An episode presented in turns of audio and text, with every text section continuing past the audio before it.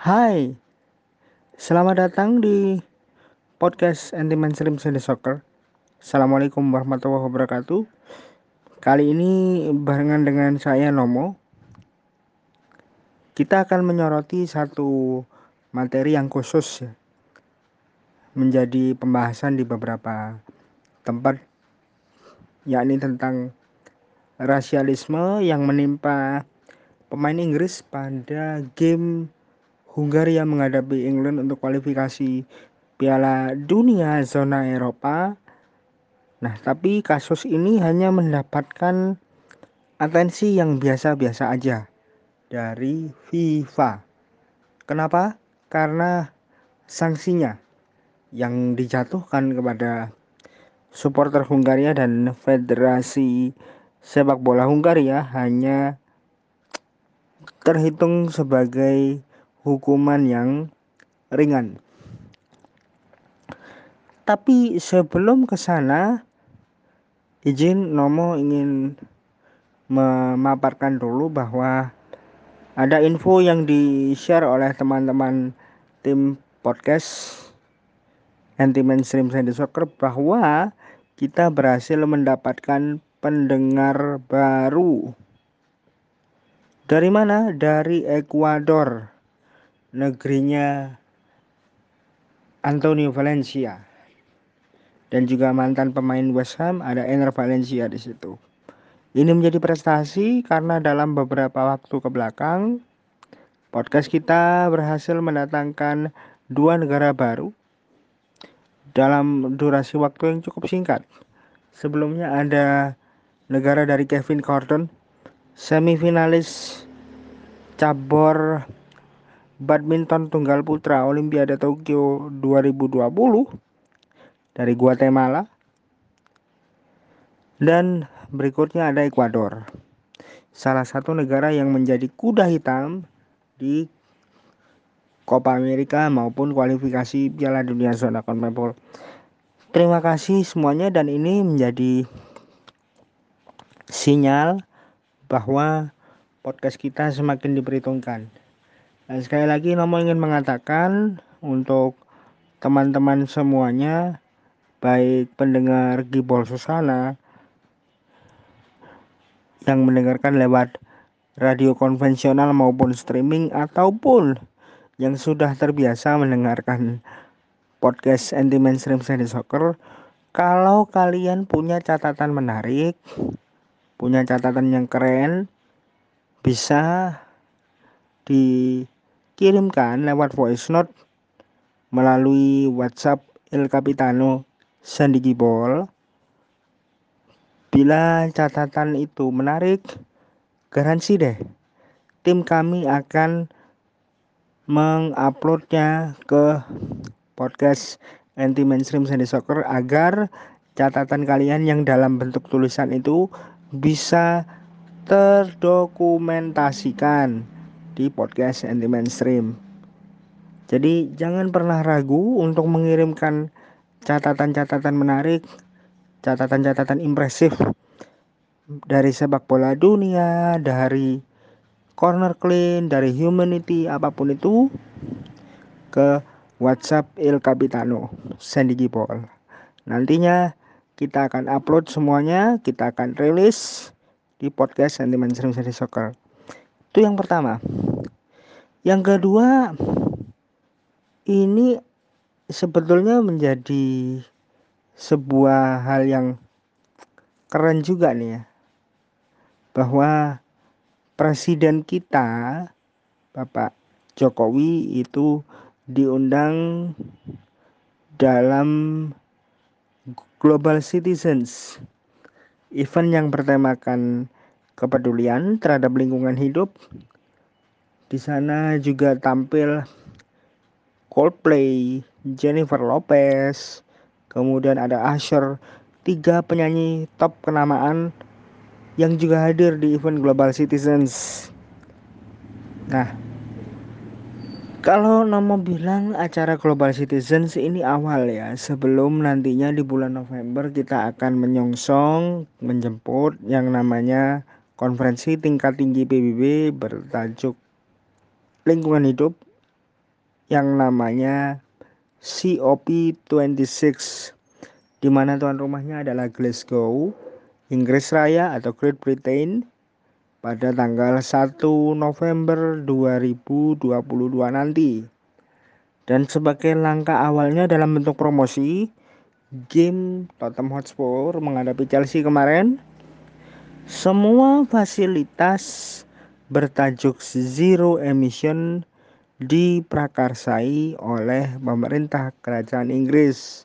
Ini sebagai bentuk promosi karena mereka nanti akan menjadi tuan rumah, tepatnya di Glasgow. Dan di situ Indonesia menjadi salah satu keynote speaker atau pembicara yang ada di event COP26. So ini merupakan event yang berlangsung tiap tahun dan ini juga merupakan implementasi dari Paris Agreement 2015. walaupun sebetulnya Paris Agreement sendiri juga dicap sebagai sesuatu yang gagal karena beberapa pemimpin dunia belum mampu untuk menurunkan suhu di bawah 2 derajat Celcius. Tapi kita patut apresiasi upayanya dan menunggu implementasi dari COP26 ini seperti apa. Yang berikutnya, nah ini yang krusial, yakni mengenai rasialisme. Kita tahu semuanya bahwa Mario Balotelli, pemain yang sekarang ada di Demislispor ini baru saja menghadapi Besiktas di mana ada epic comeback di situ. Besiktas yang unggul tiga gol kemudian berhasil disamakan dan salah satu key playernya adalah Mario Balotelli. Sayangnya ekspresi yang dia tunjukkan ketika selebrasi itu kesannya mengejek Sergen Yalcin yang merupakan pelatih dari Besiktas sekarang. Ini sangat disayangkan dan lagi-lagi memang Mario Balotelli nggak nggak lepas dari kontroversi ya, nggak lepas dari ulah. Tapi kalau kita tarik ke belakang timelinenya, di mana ada game Hungaria menghadapi Inggris. Kita sudah tahu semuanya bahwa penyelidikan itu dilakukan secara masif oleh FIFA dengan Gianni Infantino sebagai leadernya di situ. Sayangnya apa yang terjadi juga jauh panggang dari api, tidak sesuai harapan karena FIFA hanya memberikan hukuman dua game tanpa penonton dan denda sekitar 200 ribu franc Swiss. Kalau di pounds kan itu sekitar 168 ribu pounds ya. Tadi di Kibol Susana nomor juga salah sebut jadi sedikit melakukan revisi di sini 168.000 pounds. Satu pounds itu sekarang sekitar 18 sampai 19 ribu. Jadi kalau teman-teman ingin tahu silahkan kalikan sendiri. 168 ribu pound sterling merupakan biaya yang harus dibayarkan Federasi Sepak Bola Hungaria atau MLSZ kepada FIFA sebagai bentuk atas apa yang dilakukan oleh supporternya. Dan menurut beberapa analis yang memberikan argumentasi, memberikan pendapatnya, ini yang nomor rangkum, intinya adalah hukuman yang diberikan oleh FIFA ini membuktikan kalau FIFA bahkan UEFA sendiri kendor kalau urusan rasialisme. kalau urusan pemain yang menjadi korban rasis. Karena kita tahu di game Hungaria versus Inggris, Raheem Sterling menjadi korban lemparan gelas minuman berkarbonasi atau minuman bersoda. Nah, kalau kita bicara rasial, tentu ingatan kita tidak boleh lepas dari Italia. Italia beberapa waktu yang lalu juga bergelut dengan yang namanya aksi rasialisme. Bahkan mungkin bisa jadi sampai sekarang ya. Bisa jadi sampai sekarang karena memang negeri ini selalu identik dengan rasialisme di saat negara-negara lainnya berperang di saat negara-negara lainnya berjibaku mengatasi masalah ini Italia masih menganggap rasialisme adalah hal yang biasa. Ini contoh saja karena nomor teringat dengan ungkapan yang disampaikan oleh Presiden Brescia waktu itu ketika seorang Mario Balotelli juga melakukan protes ya kepada supporternya. Dia bilang bahwa kalau kamu tidak siap menghadapi ujian mental yang seperti ini ya jangan main di sini. Ini hal biasa, bukan rasis. Ini hanya sarkas. Nah, kalau kita merujuk pada kamus besar bahasa Indonesia sarkas itu kan artinya adalah satu kata atau kalimat yang tendensinya kasar nih. Bahkan bukan hanya itu aja. Mario Balotelli juga pernah menjadi korban rasialisme ketika dia masih berada di Milan. Tepatnya ketika bertemu Hellas Verona kalah 2-1 memang Balotelli cetak gol ketika itu ya. Balotelli cetak gol. Itu terjadi di Serie A musim 2013-2014 saat itu Milan bertandang ke Stadio Mark Antonio Bentegodi. Kalah 2-1 tapi uniknya sebelumnya Mario Balotelli ditanya oleh salah satu wartawan yang juga seorang penulis namanya adalah Grant Wall dari Amerika Serikat.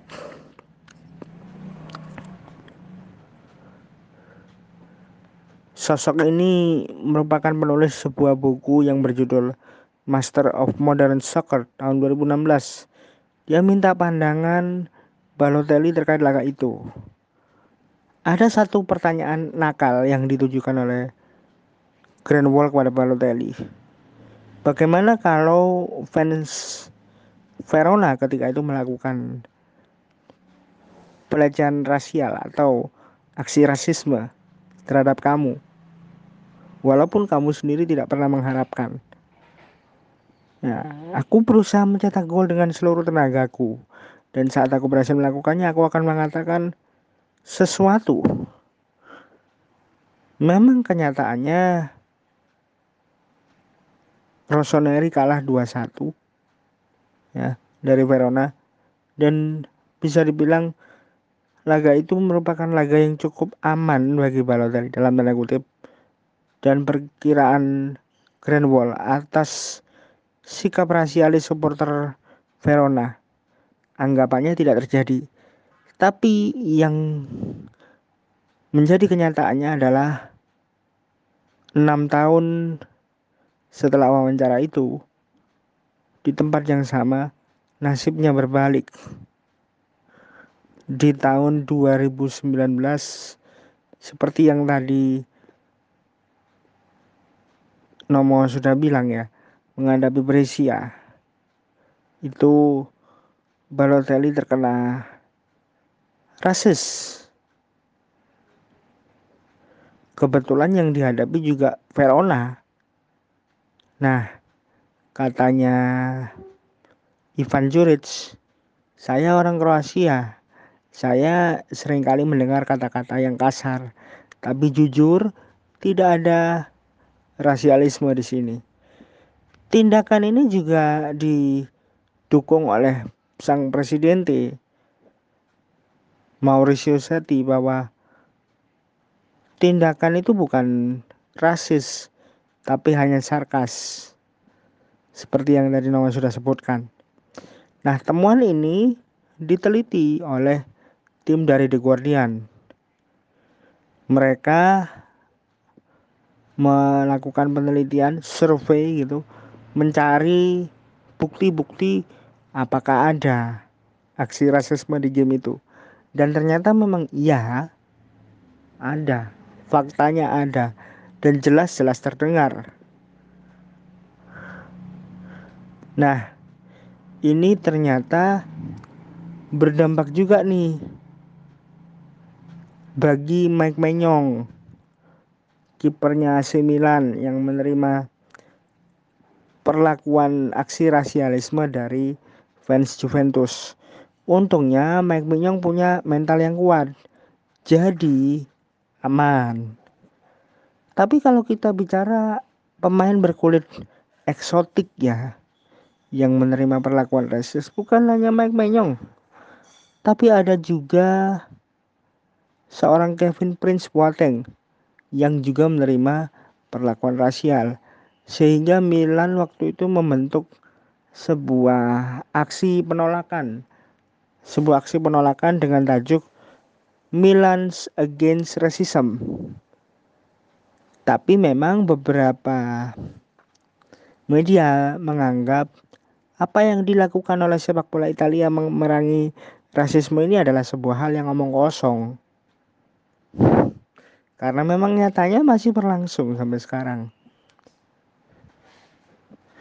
Dan ini adalah buah dari histori ya. Karena Italia kita tahu di masa lalu dipimpin oleh seorang Benito Mussolini yang orangnya juga sedikit rasialistik. ya, tapi apa pun itu harapan Nomo, aksi yang terjadi di Italia tidak menular ke Indonesia. Bukan berarti dengan kendornya FIFA, kendornya UEFA memerangi rasisme ini menjadi menjadi acuan bagi kibol kita bahwa loh yang di Eropa nggak masalah kok, yang di Eropa nggak apa-apa, kok di Indonesia nggak boleh jangan kita tidak bisa melakukan pembenaran terhadap aksi rasialisme.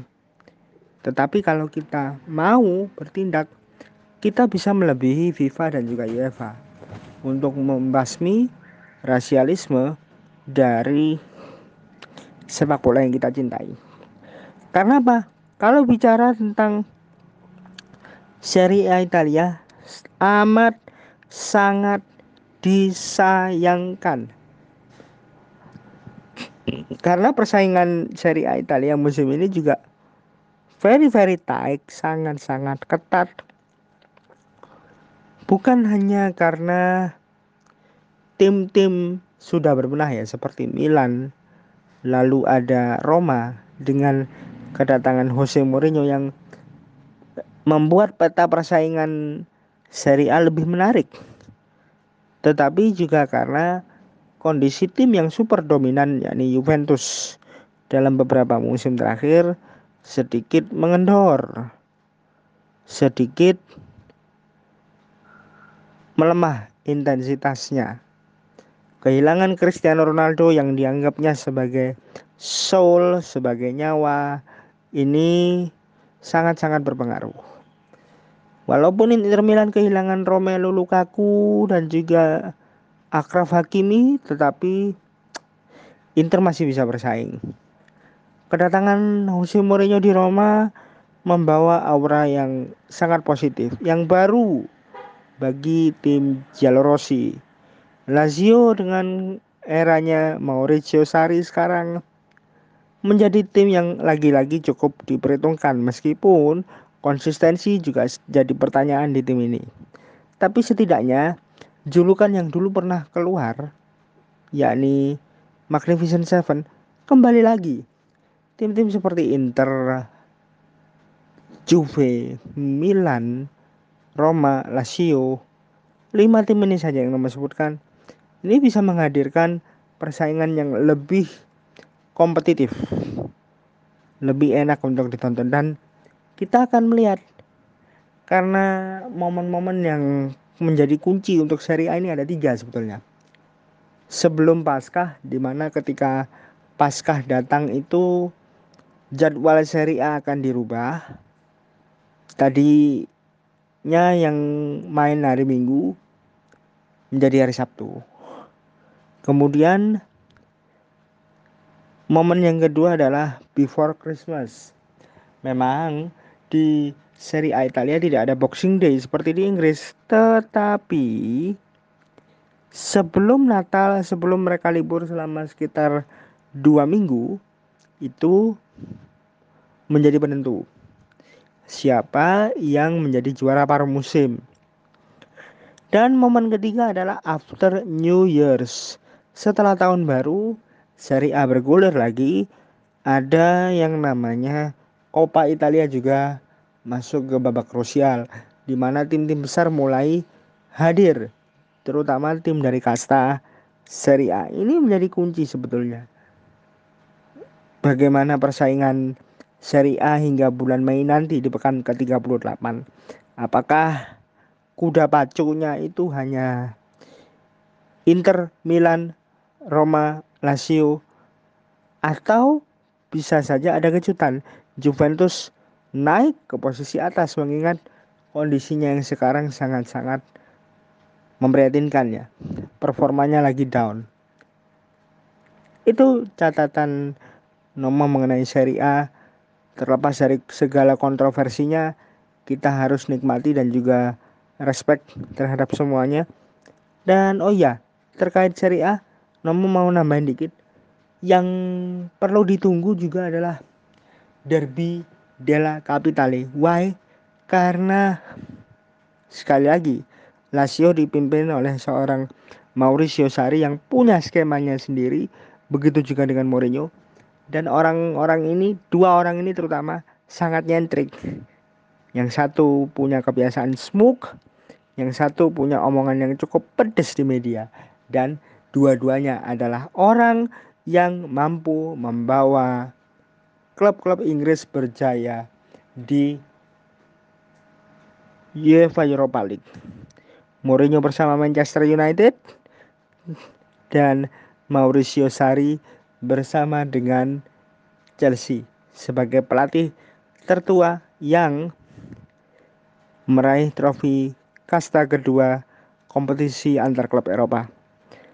Sebelum nama akhiri, Nomo ingin memberikan ucapan selamat berjuang, selamat bertanding untuk tim PON Jawa Timur yang dipimpin oleh Coach Steven Galces Semoga bisa meraih prestasi yang terbaik karena pesaingnya bisa dibilang cukup ketat ya. Ada Aceh, ada Sumatera Utara, dua provinsi yang di tahun 2024 nanti menjadi tuan rumah bersama untuk pesta olahraga terbesar di Indonesia. Harapan kita selain ada di sepak bola tentu ada di archery, ada di panahan, di mana ada dua orang kelahiran Jawa Timur juga sih. Yang satu di bagian putra ada Riau Ega Agata from Blitar dan Diananda Koirunisa. Dua orang ini adalah pemain kunci ketika kita Indonesia di Olimpiade kemarin mengalahkan salah satu jagoan terkuat di cabang olahraga panahan Amerika Serikat. Mudah-mudahan Jawa Timur bisa berprestasi di PON ke-20 Papua yang digelar sebentar lagi 2 sampai 15 Oktober 2021. Jawa Timur jaya luar biasa. Jaya luar biasa. Sekian yang bisa Namo sampaikan. Dan Kesher udah mendengarkan pemaparan Namo hari ini. Berharap bukan hanya sebagai hiburan, tapi juga sebagai edukasi. Thank you. Dan Kesher. Wassalamualaikum un auf Wiedersehen.